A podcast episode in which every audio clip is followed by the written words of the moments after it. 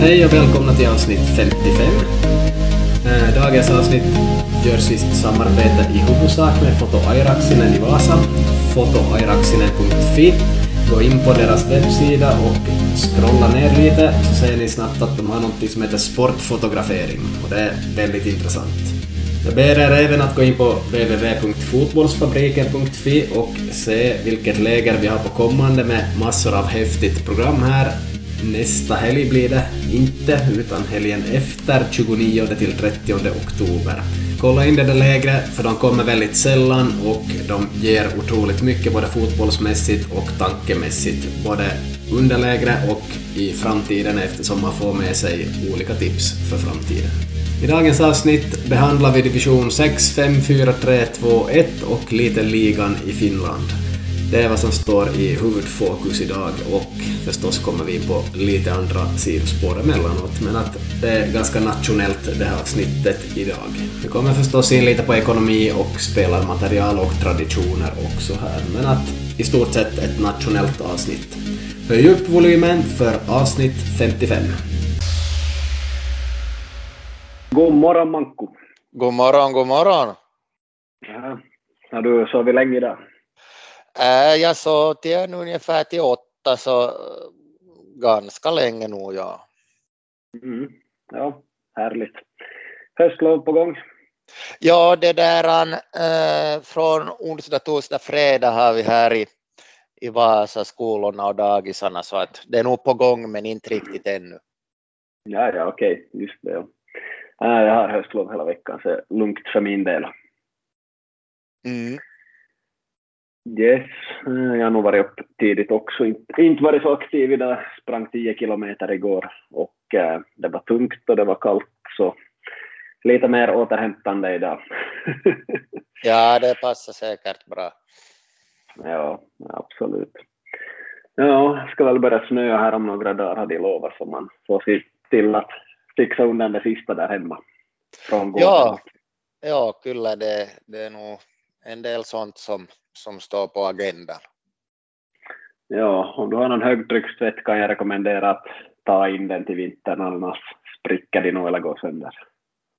Ja, just det, okej, no, men det var, det var bra, ja, vi har den, har den där i ett, ett det där kallt förråd, men det där vi kan plocka in den till vintern.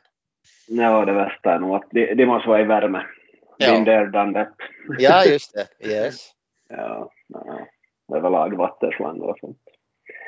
Ja, nej men fint. Um, har nu allting bra på gång här. Har ju två barn nu för tiden så man märker att man har ännu mindre tid än förr.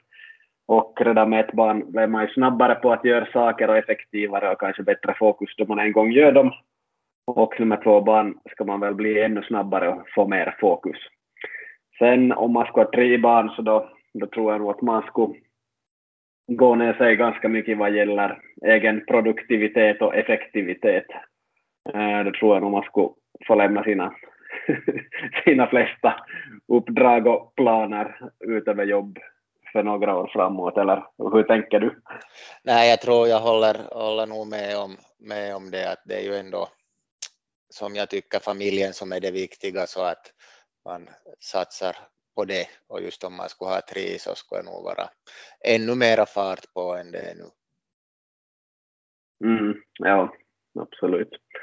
Det skulle nog ta upp, ta upp för mycket helt enkelt, alltså tre tror jag. Jag har dessutom en hund och man märker hur lite uppmärksamhet hunden får mellan varven här och kanske blir lite bortglömd så. så tre är ganska mycket för två vuxna. Yes, okej, okay. vi kan börja köra igång med ett avsnitt som vi tror att ska bli långt, eller? Ja, eller långt eller kort, vi får se hur det blir. Ja, eller effektivt. Ja. Mycket innehåll. Ja, vi kör igenom de här finska divisionerna från sexan till ettan åtminstone först. Väldigt kort på vissa och längre på andra. Eh, lokala division 6, som du inte har följt med så mycket, hur slutar den? Eh, Det var väl, var det att eh, det var, var det tre zoner från början eller var det två zoner? Hur, hur var det uppbyggt? Mm, Jag tror det var två. Ja, no, hur som helst, så det var, det var fler än en zon och sen blev det ett övre slutspel och så säkra sen BK48 äntligen äh, det här seriesegern och att stiga till femman som man ju har haft som mål åtminstone det där förra säsongen. Så att i sista omgången tror jag det var som man, man säkrade den här seriesegern då genom att vinna övre slutspelet i division 6. Mm, ja, och i femman tror jag de får det betydligt hårdare för femman är lite bättre än sexan och ja, inte var de så hemskt dominerande där och har ändå behövt ta in en del rutinerade spelare som har varit, varit pricken på i, så de har nog en del att jobba med, BK där, men att fint med avancemang i alla fall. Om vi går över till femman så där har vi ju då Sporting som steg från sexan och nu också vann femman. Så det talar ju för att många division 6-lag som kommer hårt laddade stiger också upp till fyran, men att det ska nog en hel del till för att BK ska göra det skulle jag säga. Men att Sporting Academy som det heter, så ja, de har väl använt ganska mycket Kristinestadsbor där och har väldigt många med utländsk bakgrund i sitt första lag. Så, så det är klart att de här Kristinestadsborna räcker till för att vinna femman och där har de ju gjort det bra. Det är nog mest min analys av femman, jag har inte så hemskt mycket annat att säga. Ja, Sporting Kristina som ju vann det där femman som vi sa med akademilaget så det där på våromgången så var det många från det här division 5-laget som också blev tvungna att spela i division 3-laget på grund av spelarbrist och eh, gjorde lite blandade resultat där och det kunde vara vissa gånger kunde det vara match två dagar i rad så att det är klart det att det har varit påfrestande. Eh, sen så det där eh, när Sporting fick in de förstärkningarna som de hade eh, tänkt att skulle spela den här säsongen plus några till så så räckte det ju nästan till förnyat kontrakt för division 3-laget. Senaste veckan hade ju äh, kommit fram nu att, att de egentligen då ska falla då de blev tredje sist i nedre slutserien men, men vi som har varit med förr så, så vet ju att, att man kan inte riktigt spika de här vilken serienivå man spelar på före någon gång i januari, februari definitivt. Att det finns många saker som, som påverkar hur, hur man tänker där när det gäller serierna. Men äh, Eh, de meddelar ju här för en tre, fyra dagar sedan att om det är så att det där eh, division 3-laget faller till division 4 så spelar man inte med akademilaget också i fyran, om jag har förstått saken rätt. Eh, precis, ja. Så blir det att om första laget sjunker till fyran så vill de inte stiga med division 5-laget. Yes, och eh, ja, helt klart har de förstärkt från division 3 till 5 i år, men att ja, mycket Kristinestadsbor har spelat i alla fall i femman har det verkat som, medan många med utländsk bakgrund och olika sorters förstärkningar har spelat med i trean förstås. Ja, fyran och det här, vi har ju summerat det mesta förr, men vi kan ju kolla lite på fyran i alla fall, som sjönk sist och slutligen och om vi tror att de sjunker och så vidare. Eh, beror lite på sporten kanske då, vem alla som sjunker eller hur? Ja, det är ju serien uppe och nere som man får, får det där jämför med och se och sen går det väl ända upp till tvåan kanske den här eh, hur, hur det här korthuset sen sist, de här dominobrickorna sen sist och slutligen faller. Men från fyran så var det ju sen sist och slutligen så att det blev uh, Kuffen, Ponnistus och Hopp öppet som la beslag på de tre sista platserna där. Ja, Ponnistus var sist, så de sjunker ju antagligen. Sen Kuffen näst sist, man vet inte, och Hoppet tredje sist, man vet inte. I princip. Nej. Det kan hända saker och ting. Ja. ja det här ja, Sundan 2 klarade sig på målskillnad förbi hoppet där, så det var ju intressant. Ja. Um, ja, en sak jag funderar här var ju att ja, SIK hade en förlust i år i grundserien. Minns du mot vem det var? Det var mot Hoppet i Helsingby. Precis, ja. ja. Det var deras enda förlust i år annars så här på 16 matcher. De hade 15 vinster en förlust. ja, de har ju nog varit det där äh, också fått resultaten med sig. Det där måste man kanske säga att, att det där, men att så, så är det ju med ett, ett lag i medvind att, att just till exempel när vi spelade borta mot dem så hade vi en, en halvskadad på bänken och, och det där, de, de hade sina bra perioder och vi hade våra bra perioder och med lite mera folk så skulle vi ha orkat trycka på lite mera kanske, men att det är sån här jossittelua som, som man kan hålla på med i det oändliga nästan. Mm. Ja, jag så är det. Yes, inte vet om vi har desto mer om fyran förutom att ABC Ström så har förbättrat sig väldigt mycket genom åren här.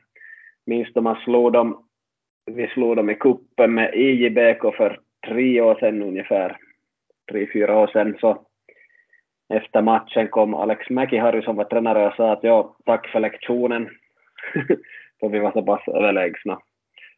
Det var mm, IBK hade stigit till trean tror jag och så möttes vi i kuppen och, och då var det så, men idag är läget ett annat. ABC Strömsö var ju bäst förutom SJK i år, så det har gått väldigt bra och avancerat hårt. Och vad heter de nästa år? Eh, de heter väl bara ABC tror jag. Ja, ja det verkar så. Ja. Det där Strömsö faller bort. Men, men de kommer väl nog i folkmun att kallas för ABC Strömsö ändå, har jag på känn. ja, så blir det nog säkert. Ja. Yes. Uh, har du ännu någon kommentar till att Kungliga kom fjärde? ja, ja nej, no, det, det är nog den här äh, säsongen lite som, som det där, det har varit lite liknande det där hela tiden att vi har inte, inte det där fått, fått nå egentligen på i båda ändorna av planen att lite enkla mål har vi släppt in och sen har vi behövt fler chanser än vanligt för att, att göra mål också.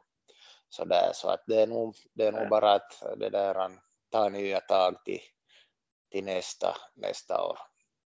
Ja, jag har inte kommit några nya tankar sedan senaste podd. nej, nej, det har nog varit ganska precis, precis samma. Ja, ja precis, precis. Yes, så det här med spelarmaterial och att få spelarna att räcka till och räcka till för två lag är ju sådana saker som flera föreningar får hålla på att kämpa med hela tiden så det är tufft på det viset och ja, Eh, om jag är kvar i division 4 nästa år så vill jag ha spelare som tycker om att träna mellan januari och september. Det är ju det som det går ut på matcherna i höjdpunkten på veckan så, så nu ska man vara på dem också men eh, man behöver också kunna sitta på bänken som spelare, både träna och sitta på bänken och sen spelar man matcher ibland. Det, det låter nog lite som en, en omöjlig ekvation. Du ska i division 4 ha spelare som tycker om att träna och sitta på bänken. Ja, ja. ja. jag får, får önska, önska lycka, till, lycka till i det där. Ja, det är typ omöjligt. Men både träna nio månader, sitta på bänken också och förstås kommer ju alltid chansen att spela matcher. Och, och då ska man vara där, då ska man inte ha gett upp redan. Nej. Men att har man unga spelare så kanske de kan vara redo att göra det där i division 4, men att ja, det är nog svårt att hitta någon mellan 25 och 40 år som vill träna varje träning och sitta på bänken mycket. Det, det är ja. svårt. Nej, men det är vad som skulle behövas i alla fall. Bra inställning på det viset och proffsig inställning. Yes, no, men vi hade ju kraft där på tredje plats och så. Ja. Och så resten. Ju diskuterat det mesta här tidigare. Eh, du hade en fråga åt mig om division 4 senast, jag vet inte om du kommer ihåg den? Nej. Vilka matcher jag hade dominerat i. Ja, ja, ja, just det. Eh, jag har inte kunnat göra någon lista och är väldigt svårt att minnas. Men jag hade nog bra matcher där på våren där jag nog tyckte att det var kanske viktigast på plan i någon match i alla fall. Uh, kan inte kanske nämna exakt i vilken match, men ett par matcher på våren var absolut en av de viktigaste på plan och i någon kan man säkert säga att det var viktigast utan att nämna exakt motstånd. Så det går nog som 38-åring att vara, att vara viktig också. Åldern tar inte alltid emot. Så ja, sen finns det mycket folk som inte tycker om att man är spelande tränare, eller inte många, men de som hörs. Och ähm, ja, skulle kanske vilja ha en på sidan av plan och nu, nu kan det vara bra, men då ska ju finnas material att lägga in på plan också som presterar bättre än tränaren skulle ha gjort där. Och, och så har läget sällan varit i den förening jag är i nu. Så det är som ett litet svar på det. Och äh, att vara 38 år är ju inget problem i division 4 och inte fast man skulle vara 48 heller. Det handlar nog mer om hur man håller sig i form och vilken spelplats man är på, hur snabb man är i tanken och fötterna hinner göra det. Fötterna och kroppen hinner göra det som behöver göras. Har du någon kommentar till det? nej, till det har jag, har jag inte. Nej. nej. Nu har ju den där Valeri Kaske spelat tills han var minst 50 och så har vi ju en del andra exempel också. Någon där i Lappo tror jag har spelat som nästan 50-åring också. Ja, ja, han där korta, ja. Ja. Så allt möjligt, allt möjligt. Men vi går då vidare till division 3. Du kan ju berätta hur det slutar. Ja, det slutar ju så att det där äh, Sundom IF äh, eh, säkra det där eh, direkt äh, avancemang och äh, men sen förlora mot det där Kisto i den här sista matchen och den matchen var i princip betydelselös eh, så långt som vi nu kan förstå åtminstone. Och sen tog man då beslutet att äh, inte äh, stiga till division 2 med just det där en, ett par, tre motiveringar till beslutet att, att det var inte kanske någon enskild orsak utan det var hela, hela paketet som, som det där avgjorde. Och sen så gick då frågan till, till Kisto men, men de ville inte heller fara och kvala så att då ser det ut som att ingen från den här division 3-zonen stiger. Så att vi får ju se då vad det innebär för GBK och så vidare det där, men att det, det avgörs i galleriet här om några veckor säkert. Det är ju det som också är just för att gå tillbaka till det här sporting att, att det där äh, spelarna vill ju förstås veta att vilken nivå som, som det kommer att bli nästa år så att man vet, vet om man är redo att satsa eller om man tycker att det är för låg nivå och så vidare så att att det är nog bra att så snabbt som möjligt få reda på vilken serienivå man ska spela. Att, att det här, om det är något långsiktigare arbete så om man har förberett sig för division 2 och sen får en gratis plats i division 1 så är det nog ganska svårt att hävda sig. Att det såg vi ju ganska många exempel på där i början av 2000-talet till exempel. Mm. ja. Uh, om Sporting kommer till fyran kommer de nog säkert ändå att använda en del förstärkningar, men kanske inte lika mycket som de skulle göra i trean, plus att den där Jallow hade väl en klausul i kontraktet att han behöver inte spela i fyran, får han byta klubb, men annars är han kvar i trean. Ja. Så lite sånt. Men att Kaski och Virki är på väg ner i alla fall. Inget borde rädda dem. Och eh, Korsnäs gick ju bra på slutet, hade bra förstärkningar och sånt och Nick klarade sig okej okay, och Myran kom före Sporting. Om man ser på nedre halvan av tabellen. Eh, lite om Sundom då. Eh, de fick en förlust till slut i sista matchen och det betyder att de inte gick obesegrade genom säsongen utan Kisto satte en käpp i hjulet och Kisto är ju ett lag som faktiskt har tagit sig obesegrade genom trean. Var det senast de steg till tvåan som de gick obesegrade? Visst? Ja, så var det. Då hade de ett par kryss, ett eller två kryss. Ja. Mm, precis. Eh, för, för övrigt med Sundom så äh, hemmaplanen är katastrof. Den är ojämn och inte så bra. Skulle väl nog ha uppfyllt kriterierna kanske för tvåan, men att ja, i alla fall måtten uppfyller kriterierna för tvåan, men att ingen bra hemmaplan och kanske inte så fint att spela i tvåan och så vidare och den går väl inte att fixa till så snabbt heller. Så hemmaplanen var väl i slutändan en orsak och sen kan man fundera på andra orsaker, att vissa spelare vill inte stiga och gör ännu mer satsning och satsa ännu mer tid på fotbollen, men att eh, ska man till tvåan ska man nog byta ut några spelare också. Nu ska det ju in minst fem förstärkningar om man ska vara slagkraftiga i tvåan, för den är så pass hård den då. Men att i trean, superbra trupp. Eh, de har byggt jättebra trupp genom åren, har säkert cirka 20 startspelare som de nog själva nämner också, men att eh, också då de har haft problem så har de snabbt tagit in nya bra spelare från till exempel fyran där, så de har hela, tid, hela tiden varit starka och eh, förutseende med vad som är på gång, så de, de blir aldrig utan spelare heller. Så, så de har nog gjort det helt utmärkt i fyran och i, i trean och också klart har gått jättebra ett visst motstånd från Kista och VPS hade, hade ju nog haft och sådär, men att Norrvalla lite sämre i år, kom på plats sex, så de har inte utmanat så hårt mot Sundom och, och inte övriga lag heller, så det var nog tre topplag där som var lite bättre än de andra. Det är nog i princip min summering av Sundom, men att bra jobbat såklart, men att synd att det inte stiger och ska vara bra för många unga spelare där att få division 2-rutin.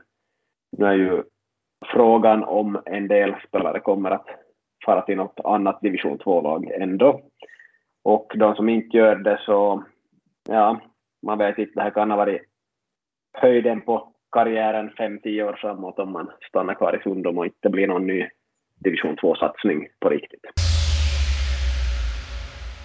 Kisto? Satsat ganska hårt på futsal hela våren och tränat knappt. De började träna en gång i veckan på Elisa stadion på försäsongen där och kom väl in lite oförberedda för fotboll i, i division 3 det här året.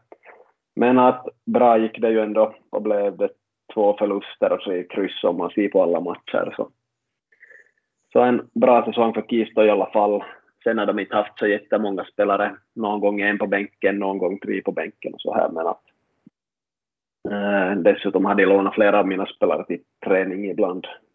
Vi har ganska duktiga, lovande spelare som är explosiva och så här också som, som nog har klarat av att göra sitt jobb på träning åt dem. Som, det har de varit nöjda med. Men att vi får se hur det går för Kisto nu. Att ska de få in någon föryngring där eller, eller hur ska det gå? För att det där laget är nog inte redo för tvåan i alla fall. Och, eh, om man inte utvecklas så avvecklas man och det betyder att de kan få problem i trean också på sikt, att de inte, inte är topplag mer om de inte fortsätter att utveckla sig.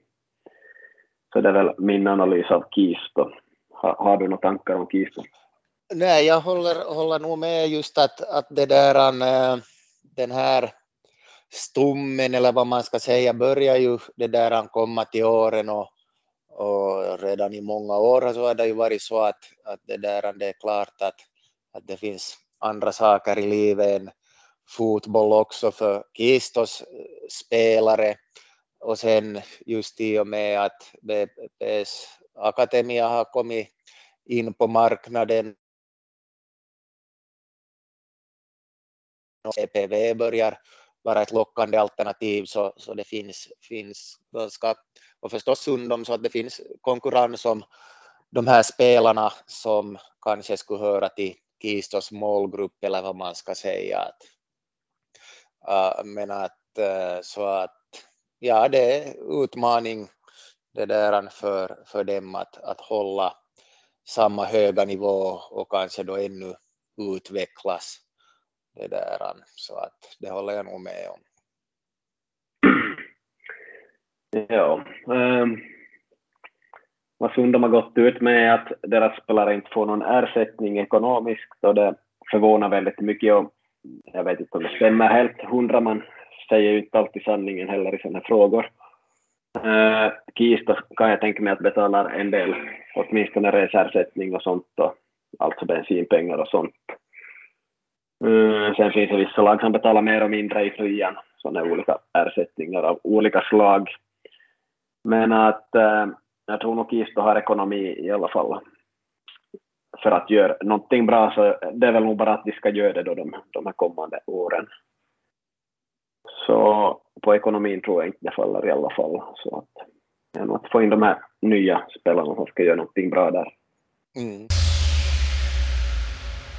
Yes. No, men vi kan lämna trean och se lite på österbottniska lagen i division 2.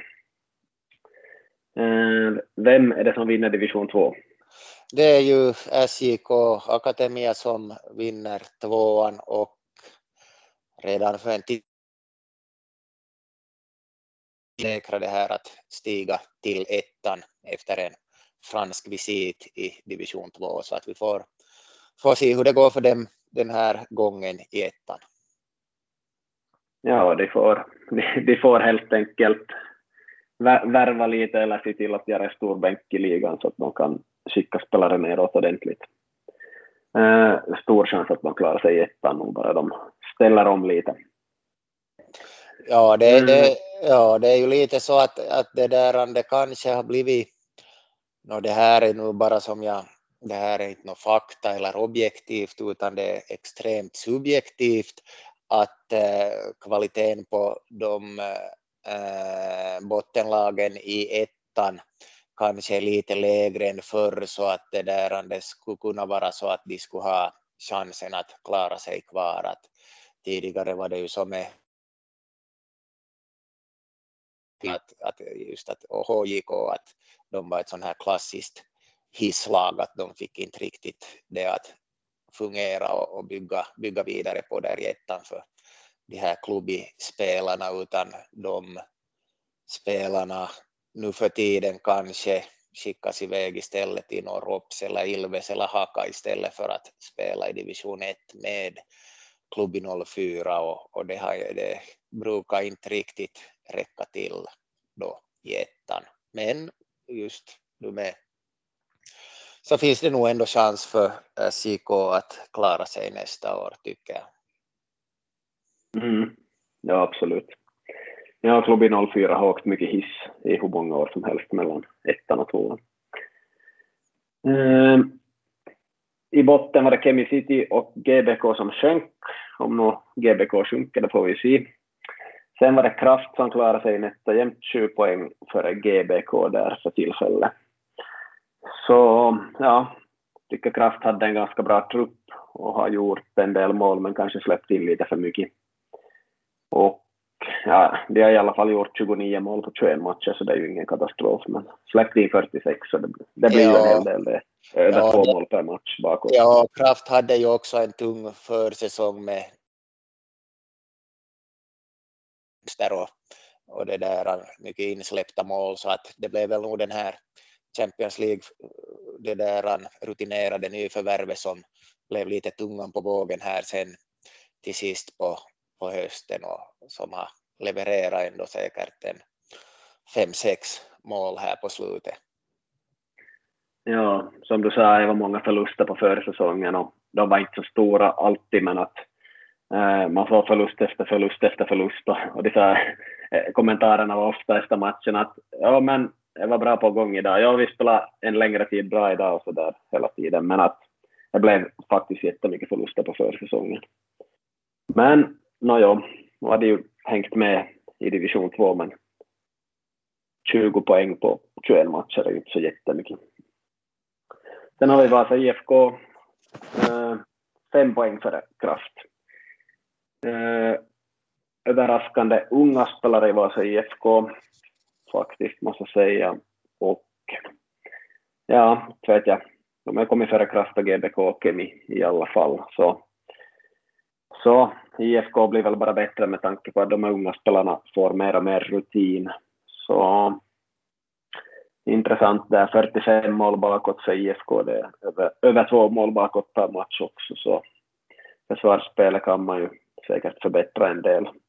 För Simapol som är en plats framför IFK, så de har släppt in 12 mål mindre än IFK. Så, så det är en hel del i alla fall. Men att ett ungt lag och en viss rutin i alla fall från många spelare, men vissa är ganska nya i spelet så att säga. Så, så kan nog bli aningen bättre för IFK de kommande åren om de behåller spelarna. Sen har de ju fått in några förstärkningar vart efter säsongerna framskridit också. Men... En liten vinstsvit där kring augusti eller när, när det nu var så att det var bra, tycker jag att man fick säkrat den här serieplatsen i ett ganska tidigt skede i praktiken åtminstone så att det inte blev en riktig sån här ångesthöst. Mm, precis. Annars. Be, ja, och JBK på plats 6 med 30 poäng. Jag har inte så bra koll på JBK för tillfället. ju Jarro juniorer och kanske någon gammal Jarro-spelare med mer rutin möjligen. Har du koll på JBK i dagens läge? Uh, inte, så där, inte så där exakt, men mest just nu de här med, med de här kontrakterade äldre spelarna, men jag har inte koll, koll på att hur, hur mycket de har spelat sen i sist och slutligen. Mm, ja, jag kollar igenom deras lista ett varv, men att det, det är nog överlag unga spelare, någon med lite mer rutin har varit där också. Yes, så det var division 2. Vi ska komma till ettan just här, men att jag måste ju också nämna Pargas IF som har gjort det ganska otroligt bra, stigit ända upp till division 1, vann, vann nu sin zon i tvåan med sex poäng före Honka där och stiger då direkt. Sen har vi Japs som också har vunnit sin zon i tvåan och SIK Akademia. Men att Pargas IF, lilla Pargas IF, jag spelar mot den då de var i division 3 och eh, ja, inte ska man tro att de kommer högre än tvåan högst och faller ner till trean tillbaks, men att nu har de stigit ända upp till division 1. Och bra tränare i Stefan Strömborg har de där som jobbar heltid med fotboll sedan något år tillbaka i Pargas, så det är ju häftigt. Och dessutom steg deras andra lag till division 3. Så nu har de ett lag i ettan och ett lag i trean och Pargas är kanske inte världens största kommun eller ort hela stad. så det jag. Har du hört någon Pargas? Ja, jag har, har inte heller någon mera koll, koll på det med just att var de här spelarna är uppväxta och var de bor för tillfället, men man kan ju misstänka att det kan finnas en del spelare som kommer från, från Åbo för att spela dit. Men att, att det, det får vi lite ta reda går ut och, och säger någonting sånt till, med all säkerhet. Ja, säkert har de någon från Åbo och lite omkringliggande, men jag måste kolla på att de har en befolkning på ungefär 15 000 i Pargas kommun, så ja, det är ju mindre än Korsholm och, och så här. så det är inte så många människor där, så häftigt jobbat. Häftigt jobbat. Yes, vi kommer då in i division 1 och där har hänt grejer på sistone. Hur har division 1 säkrats i helgen? Ja, det är ju så att det där eh, äh, VPS har gått från klarhet till klarhet här på slutet. Vi måste säga kanske både spelmässigt och resultatmässigt. Äh, grunden har ju lagts här under hela sommaren och, och hösten, men just det här att man vann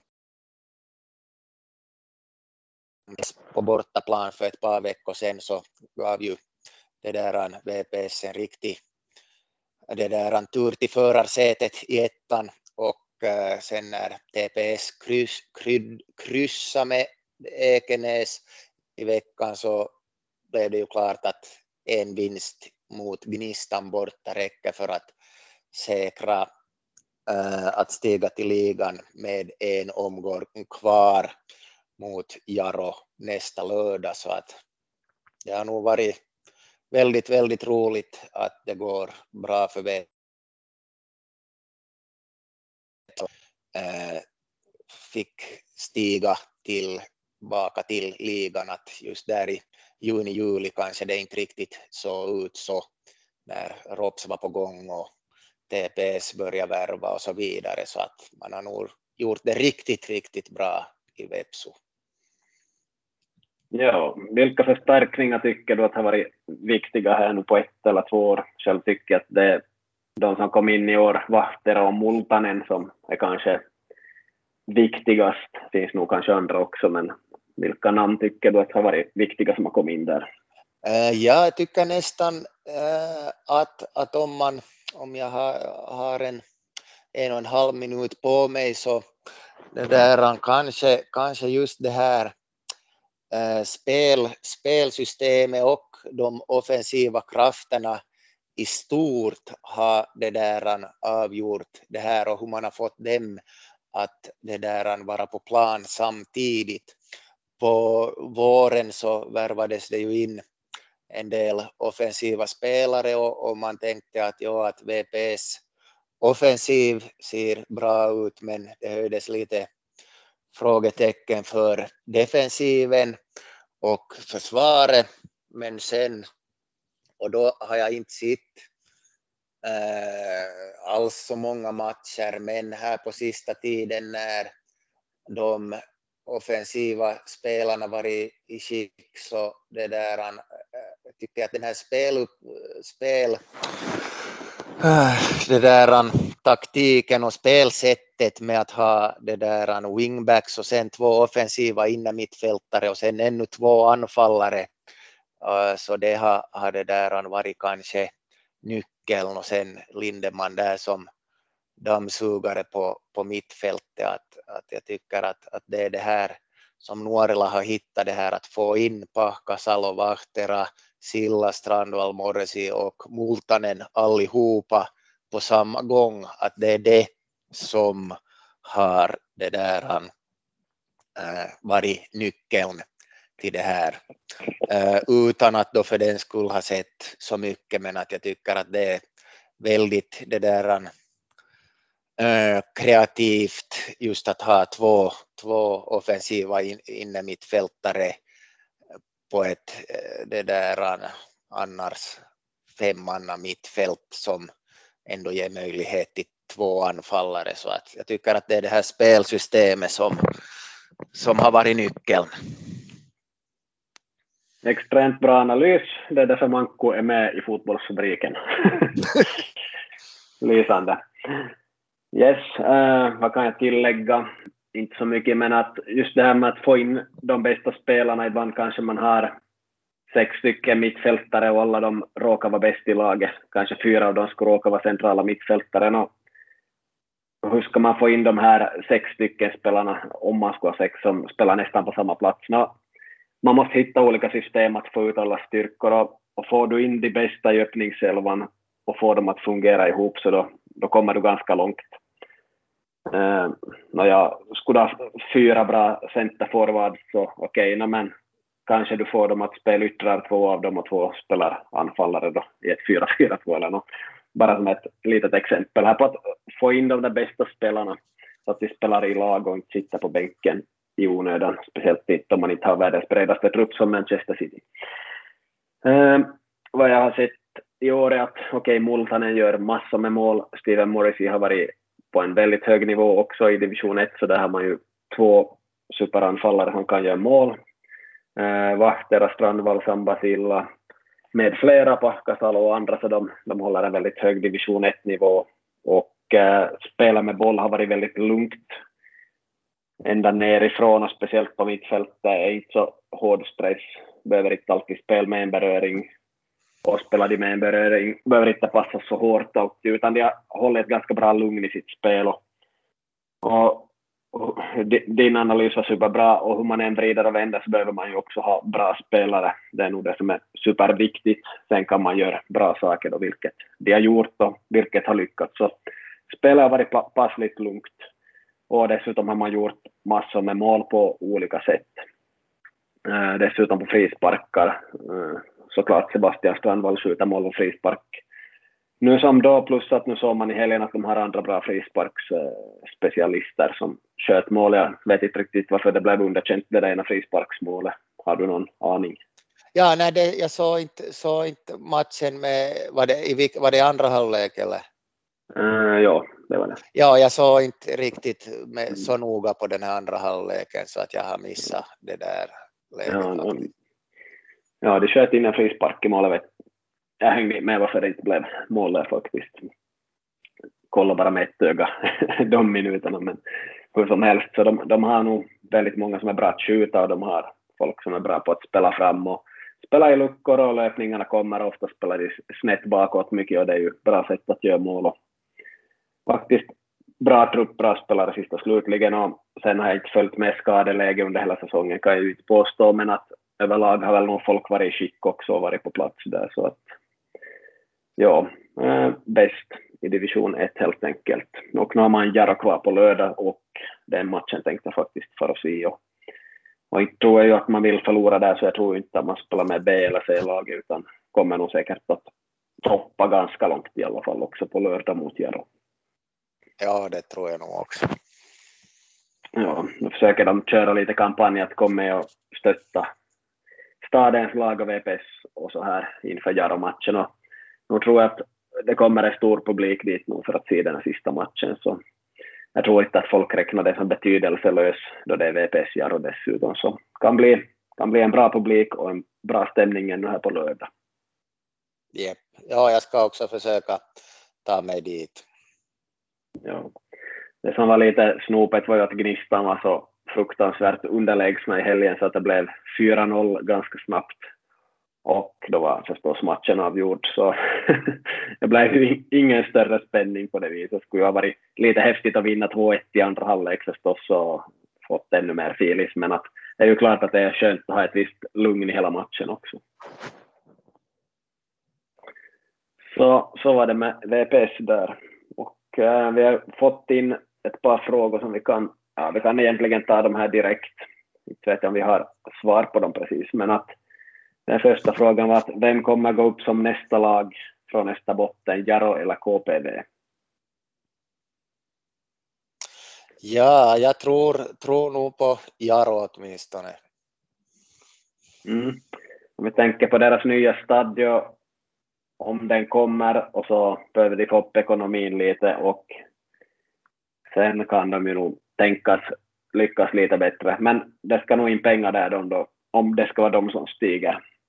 Eh, ser jag på KPV så sen Christian Sund kom in där som andra tränare så har de ju gått som tåget. Jag tror de har en förlust sen han kom in. De har, de har gått väldigt bra. De vann den här nedre slutserien överlägset och de var ju ytterst nära att nå övre slutspel fast det såg dåligt ut där på våren. Så KPV har ju varit otroligt formstarka här undrar om de har varit mest formstarka i ettan förutom VPS nästan till och med här. Så KPV har verkligen varit på G här nu ändå, måste man ju säga. Och där finns det ju en del pengar och de behöver ju finnas. Men att, ja, så jag säger nog KPV framom Jaro, men att det är ju bara spekulationer.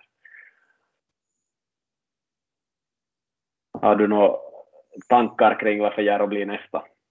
Nej, nog mera, mera just det där på, på Filis att man har lite starkare känslor för Jaro än för KPV, att det ligger nog inte eller ja, kanske, kanske sådana tudelade känslor förstås, att vill man ju alltid vinna det och, och, och man vill att Vasalagen ska vinna, men, men jag tycker nog, gillar ändå Jaro mera än KPV.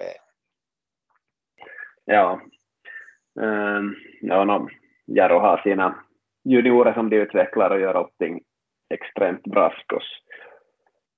Sen ska man kunna behålla spelare och förstås ha den där ekonomin för att gå upp till ligan. För man vill inte gå upp till ligan och komma ner och komma ut med massor med skulder. Så, så det är tudelat. Eh, KPV har kanske mer ekonomi så länge de håller kvar sin starke man där som pumpar in pengar.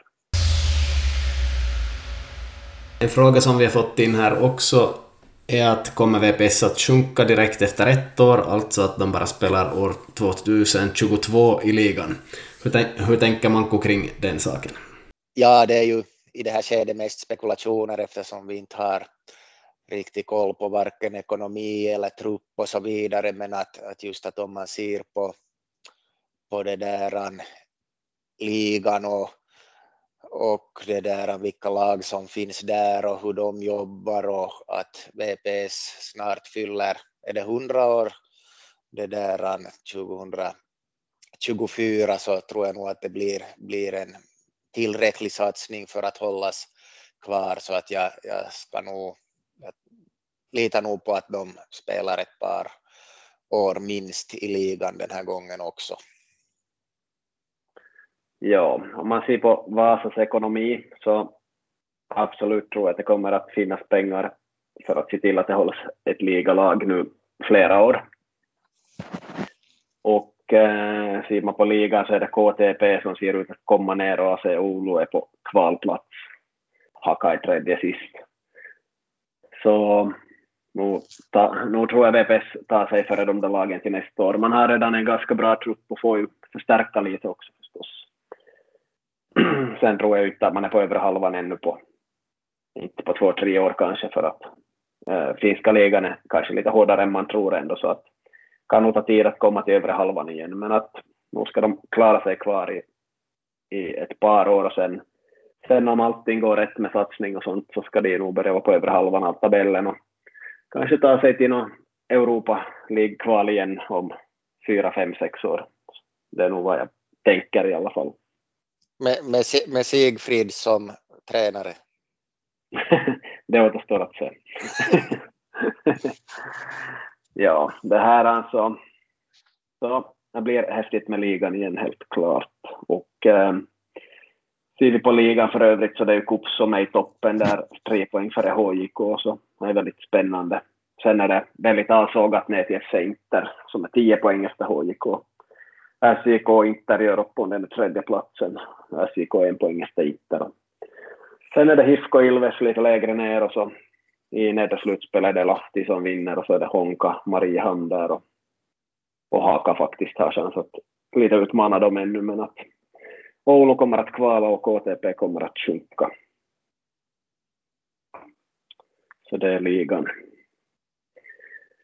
Jo, ähm, i något skede kan man fundera lite på vilka VPS-spelare som håller ligaklass, men är så svårt att säga också. Men att de vi har nämnt idag åtminstone och backlinjen har jag inte tillräckligt bra koll på om de håller ligaklass också, men att jag får gärna någon kommentera som vill. Och man hinner ju lära sig mer och mer här den kommande tiden, så inför nästa säsong så är vi kanske mer påläst om laget och har sett mer hur det ser ut inför säsongen då det ska starta. Har du ännu några spontana tankar här om Vepsu?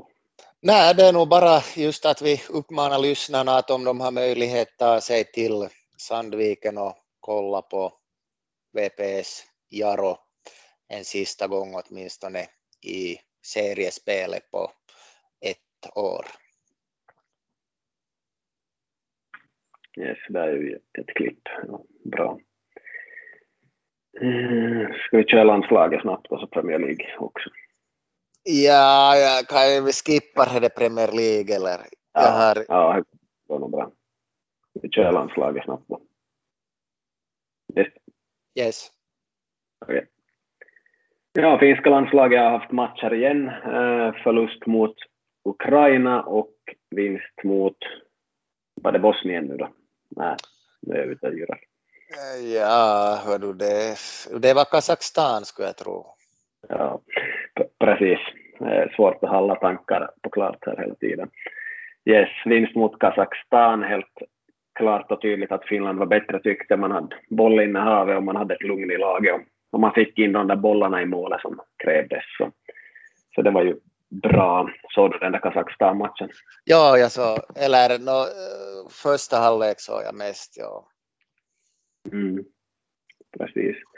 Uh, har du sina på Ukraina?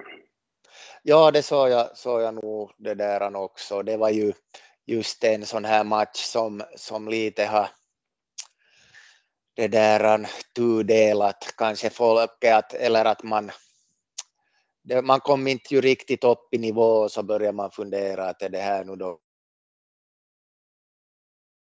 kan man överprestera hittills och så vidare att det var ju inte, inte så riktigt bra den här Ukraina-matchen. Mm, ja, själv har jag nog tänkt att Tim Sparv har varit ganska viktig i landslaget och att han, han ännu skulle behövas.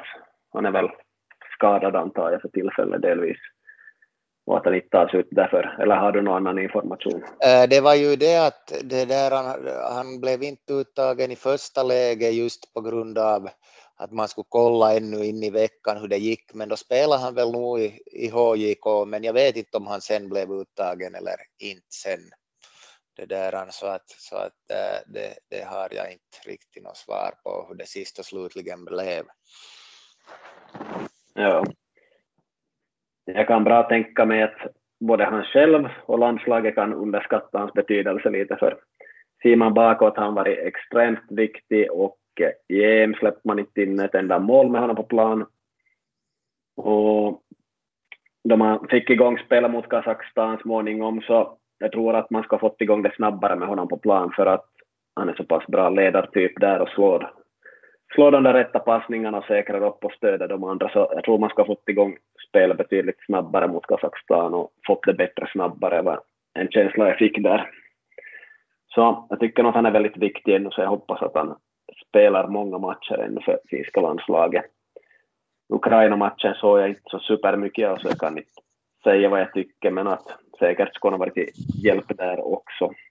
Han var ju trots allt med väldigt mycket då, då man kom sig till EM och, och har nog en stor roll där och han är inte så gammal som folk tror ännu.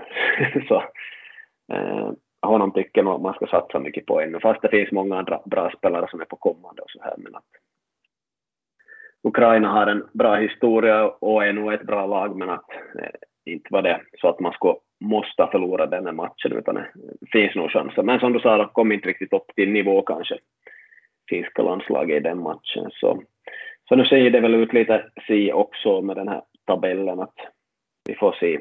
Det krävs lite fler matcher innan man vet, men att stor risk att Finland kommer tredje i tabellen nu. Mm. Yes. Och Sverige går som vanligt ganska bra och imponerar. Ligger etta i sin tabell där. Ja, de studsar ju bra tillbaka. Det var väl här på förra uppehållet som de, var det så att de vann mot Spanien och sen förlorade de mot Grekland och så då tappade de den här fördelen som de hade haft med att slå Spanien men, men nu vann de i mm. två, två matcher så att det ser bra ut för Sverige. Ja, om de ska vinna, vinna sin tabell så blir det antagligen så att de måste klara minst kryss mot Spanien i sista matchen. De har ännu mot, vad det, vem det nu var, de har en match, en enklare match först och sen har de Spanien som det krävs minst kryss av antagligen i sista matchen. Då. Så det är vad som återstår för Sverige. Yes. Uh, ska börja släppa iväg Manko här, du har säkert en hel del att göra idag. Jag har inte så jättemycket på schema för en gångs skull, så det är ja. bra. Man ska nog göra någonting i alla fall. I nästa avsnitt kommer vi att fundera lite mer på internationell fotboll. Det blev lite mer nationellt idag och Premier League, där händer jättemånga saker för tillfället som är intressanta och vi återkommer till det mer nästa gång. Yes, ni ska ha det bra så syns vi på läktarna på lördag. Vi ses på lördag. Tack och hej. Tack och hej.